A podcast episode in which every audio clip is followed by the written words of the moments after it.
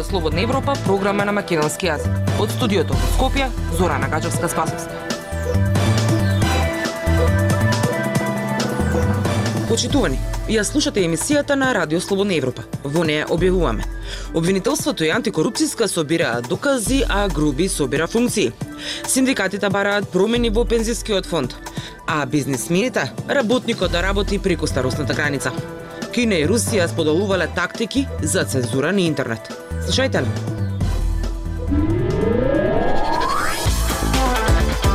Независни вести и анализи за иднината на Македонија. На Радио Слободна Европа и слободнаевропа.мк.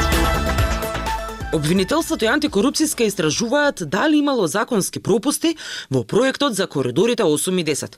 И додека тие истражуваат, првиот вице-премиер Артан Груби доби нова улога координатор на активностите поврзани со проектот. Поранешните антикорупционери предупредуваат на потек со институциите. Треба да ги расчистат предметите и да ја дадат одговори на јавноста. Деталите од Марија Томановска. Артан Груби, првиот вице-премиер во владата и министер за односи меѓу заедниците, доби и нова функција. Тој ќе ги координира сите активности поврзани со изградбата и реализацијата на коридорите 8 и 10, кои пак уште не започнати да се градат, се соочуваат со повеќе скандали. За изградба на автопатите прво го заобиколија законот за јавни набавки и беше донесен нов закон за договор во четири очи. Понатаму еден обид за избор на надзор на изградбата пропадна, а на вториот тендер победи конзорциум во кој е и фирма во која удел има македонски државјанин кој е под истрага на ерменското обвинителство заради вмешаност во корупцијски скандал. Владата на 8 март го подпиша договорот со американско-турскиот конзорциум Бехтел Јенка. За изградба на 108 километри пат во рок од 57 месеци, владата треба да одвои 1,3 милиарди евра. Груби проектот го нарече историски ден за Македонија, а секоја прилика ја користеше за да ги негира обвинувањата поврзани со целиот проект за изградба на автопатите. Неговата нова улога на координатор не сме да биде почесна позиција, туку треба да носи обврски и одговорности, вели председателката на Transparency International Слагена Тасева. Јавноста нормално е дека се збунува и си вика што е ова без сите пари отидоа таму сите се он контролира у држава. Кој му го даде тоа право сега? владата, премиерот, што премиерот самиот си ќе си ја понесе, кој дел од одговорност. Ако е тоа назначено од влада со каква одлука, со какви обврски. Не е тоа некаква почесна функција. Во меѓувреме и основното јавно обвинителство и антикорупцијската отворија предмет за коридорите. Предметот е распореден кај надлежен јавен обвинител, а председателката на антикорупцијската комисија Билјана Ивановска изјави дека дел од документацијата поврзана со проектот ја добиле. Таа уверува дека на овој предмет ќе му дадат особено значење, со цел како што нагласи да ја извадат на видели на вистината. Од Transparency International велат дека сега се на потек институциите, кои треба да утврдат дали во конкретните случаи има одговорност кај груби. Прво, институциите да си ги завршат работите, за да ние немаме загриженост дали е тој вистинскиот човек или не. Да нема сомнежи. А вака сите сме со спекулации, сите се сомневаме и викаме имаме право да се сомневаме, имаме право да бараме на одговори. Но ова не е единствената афера со која се поврзува името на првиот вице-премиер. ДКСК неодамно отвори уште еден предмет откако во јавноста да беа објавени информации за зголемување на неговата имотната состојба на членови на неговото семејство. Од ВМРО ДПМН е исто така обвинија дека Артан Груби од позиција на министер исплакал средства на фирма во собственост на неговиот брат. Груби обвини за клевета и се закани со тужба. Уште еден скандал кој се поврзува со него е оној за исплатата на илјадници евра од Министерството со кое раководи за хонорарни услуги. Груби потврди дека имал околу 25 соработници со договор на дело на кои им биле исплатени во просек 30.000 динари месечно, но, но до ден денеска не кажа за што биле ангажирани. Слободна Европа. Следете на на Facebook, Twitter и YouTube. Владата не излегува со план како да се задржат сегашните работници во земјава во услови на голем одлив на квалификувани кадри. Синдикатите бараат големи промени во пензискиот систем, а бизнис заедницата можност работникот да продолжи со работа и преку старосната граница. Прилог на Владимир Калински. Екзодусот на работници од Македонија во Западна Европа не покажува знаци за намалување. Во обид да се запре бранот, синдикатите бараат сеопфатна реформа на пензискиот систем, како и ревизија на законот за работни односи и на колективните договори во јавниот и во приватниот сектор. Да се обнови кадарот кој што го имаме во државата, бидејќи заминуваат се повеќе не само млади, него и високо образовани и високо квалификувани кадри од државата, особено секторите угостителство и туризам ги немаме како работници од месец март, април па се таму до октомври и останатите работници, пак ќе го споменам секторот градежништво исто така гради туѓи економии по високо развиените западноевропски земји. Вели Иван Пешевски, подпредседател на Сојузот на синдикатите на Македонија за приватен сектор. Синдикатите потенцираат дека пензиската реформа во Македонија не треба да значи зголемување на старосната граница, поради што во повеќе европски земји во моментов се одржуваат протести на работниците, иако постојат препораки од Светската банка и Меѓународниот монетарен фонд дека во Македонија треба да се зголеми старосната граница за одење во пензија, на таквиот предлог се противат синдикатите. Ставот на бизнис заедницата пак е дека е потребна реформа која ќе овозможи на работникот да му биде дозволено да работи над дозволената старосна граница доколку има таква волја. Според Миле Бошков од Конфедерацијата на работодавачите работодавачи, овој момент е клучен да се направи флексибилност на пазарот на трудот со оглед на моменталните разговори за законот за работни односи меѓу Министерството за труд и социјална политика, Бизнис конфедерацијата, Организацијата на работодавачи, Конфедерацијата на слободни синдикати и ССМ. Така треба да се направи да биде слободен избор на работникот кој се чувствува дека може да работи и да предонесе да работи. Оние кои се истрошени во трудоинтензивните дејности и за тие може да се направи мерка да одат порано на на во пензија или во одредениот рок. Вели Бошков, синдикатите велат дека работниците во земјава мора да добијат фер услови за работа и достоинствени плати. Реформата на пензискиот систем според нив треба да значи можност за предвремена пензија со наполнет стаж од 35 години за жени и 40 години за мажи, односно да не мора да ја чекаат старосната граница за пензија од 62 години за жени и 64 години за мажи. Овој предлог на ССМ е од 2020 година, но влада владата не прифаќа да го имплементира. Министерството за труд и социјална политика за сега молчи за тоа дали во владата се планираат нови модели за пензионирање. Од министерството не одговорија на прашањата на Радио Слободна Европа дали се планираат некакви реформи за задржување на работниците. Радио Слободна Европа, светот на Македонија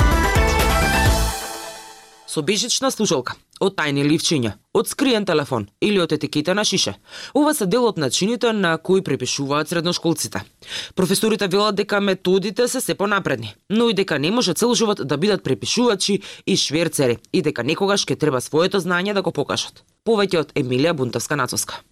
Новите генерации на средношколци уште ги користат старите добри начини на препишување на тестови како оној со скриени ливчиња. Но во денешно време има се покреативни методи, сведочат младите. Професорите забележуваат дека низ годините дел од младите развиваат нови идеи и прават цели стратегии за да препишат на место да научат. За една средношколка од Скопска гимназија која разговараше со РСЕ, бежичните слушалки кои се поврзуваат со телефон се покажале како најдобар избор. Така, вели пријател од другата страна и диктира предходно знаејќи темата која ќе се падне на тестот. Професорот Насер Мифтари кој предава историја во гимназијата Зефлюш Марку и на 30 години е во образование, вели дека секоја година има нешто ново и понапредно меѓу препишувачите. Секоја година би, би рекол слободно се софистицираше се, се тој процес кај учениците со тоа што сите мерки преземени да немаат ништо со себе, освен молив, сме ги фатиле да имаат телефони. Значи, едниот го предаваат, па другиот го носат криено. Изјави професорот Мифтари. Треба секојдневно да се работи на свеста, за да се покаже реално знаење, порачува тој. Додека ние немаме такви стандарди, форми, реални, ќе патиме. Едноставно. Многу е лесно да се предава, ама кога се доаѓа за оценување, е најтешкиот момент. Заклучи професорот. Средношколка од Скопската гимназија Браќа Миладиновци пак вели дека се случувало и учениците пред тестот да напишат неколку реченици на табла кои не може лесно да ги запаметат и да препишат од таму повторно без да забележи професорот. Сведочи дека ученици од различни училишта си препраќаат тестови меѓу себе со пораката: "Еј, може истово да ви се падне ако правите тест на таа тема." Родители на средношколци ни раскажа и дека учениците кои знаат програми како Photoshop прават и реплики на етикетите за сок или вода. Така во делот каде производителот го напишал составот на производот текстот може да стои некоја комплицирана дефиниција по хемија, на пример, испечатена па залепена на шишето. Тие сметаат дека некогаш не дека им е тешко на младите да научат, туку предизвик им е да го надитрат наставникот со некоја креативна идеја за препишување. Едно од решенијата би биле стандардизирани тестови за да се стигне до реални оценки, вели професорот Мифтари. Професорката по македонски јазик во Скопската гимназија Корчагин Татјана Алексич вели дека препишувањето е некој условен рефлекс на кој децата се навикнуваат со години. Ние сме немокни да ги контролираме, не можеш ти како джандар на секој ученик да бдееш 45 минути, пак на крајот нешто ќе препише ако сака. Поентата е да им се даде а, до знаење дека не може цел живот да бидат препишувачи и шверцери, дека некогаш ќе треба своето знаење да го покажат без да се кријат зад преписки или телефон или апарат. Заклучува Алексич. Препишувачи и понатаму ќе има, за тоа се свесни и професорите, а како што се развива технологијата, се развиваат и нови идеи за препишување. Работењето на свеста дека тоа не е во ред, за сега им останува најважно. Актуелности свет на Радио Слободна Европа. Зголемената соработка меѓу Кина и Русија во контролата и цензурирањето на интернет просторот се гледа во документи и снимки од состаноци за затворени врати одржани во 2017 и 2019 година, до кои дојде истражувачкиот тим на Радио Слободна Европа.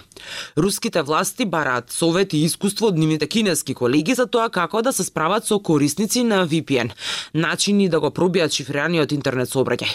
За возврат пак, кинеските власти бараат руска експертиза за регулирање на медиумите за исправување со народното несогласување. За ова истражувачка студија ќе слушнете повеќе од Ивана Стојкова.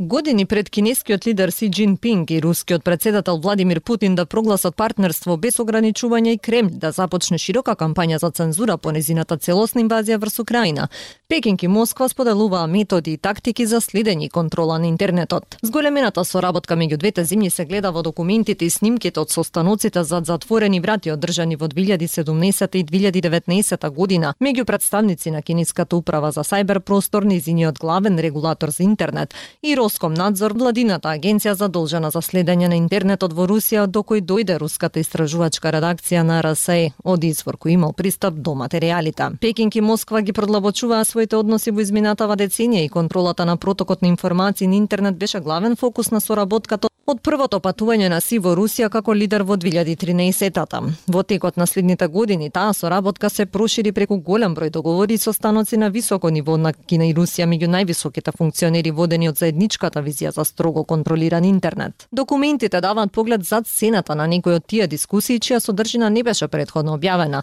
и нудат поглед кон практичното ниво на соработка меѓу Кина и Русија кога станува збор за следење и ограничување на нивниот интернет простор. Меѓу тие дискусии кои се евидентирани преку белешки од состанокот, аудио снимки, писмени комуникации, електронска пошта кои се потврдени од РСЕ, се гледа дека руските власти бараат совет искуство од нивните кинески колеги за тоа како да се справат со корисници на VPN и Tor. Тие исто така бараат начини да го пробијат шифрираниот интернет сообраќај, а бараат и совети од искуството на Кина во регулирање на платформите за пораки. За возврат пак кинеските власти бараат руска експертиза за регулирање на медиумите и справување со народното несогласување. Во размената во 2019 официјални лица од кинеската управа за сајбер простор исто така побарале од надзор да блокира написи и интервјуа за вести поврзани со Кина за кои сметале дека се опасни и штетни за јавниот интерес. Во друг случај пак во јули 2017 надзор барал од кинеската делегација да помогне да организира посета на руски тим во Кина за да можат да го проучат кинескиот соопфатен систем за цензура и надзор на интернет познат како големиот заштитен цит на Кина. Исходот од таа посета не е наведен во документите што ги доби РСЕ, а надзор и кинеското министерство за надворешни работи не одговорија на прашањата за содржината на материјалот. Иако не може да се заклучи, сепак тоа барање покажува како Русија се обидува да ја имитира Кина во контролата врз својот народ во ерата на социјалните медиуми, вели Андре Солдатов, руски истражувачки новинар. 2017 беше клучен период во кој се одлучуваше во кој правец да се развива интернетот во Русија, изјави Солдатов за РСЕ. Тоа беше период кога Русија гледаше како да го изгради пософистицираниот систем што сега го има и се чини дека русите научија нешто за тоа од кинезите додава тој. Иако многу руски мерки се уште се далеко од оние во Кина, сепак тие продолжија технолошки да напредуваат и да стануваат порестриктивни, процес што особено се забрза од како Русија ја нападна Украина во февруари 2022.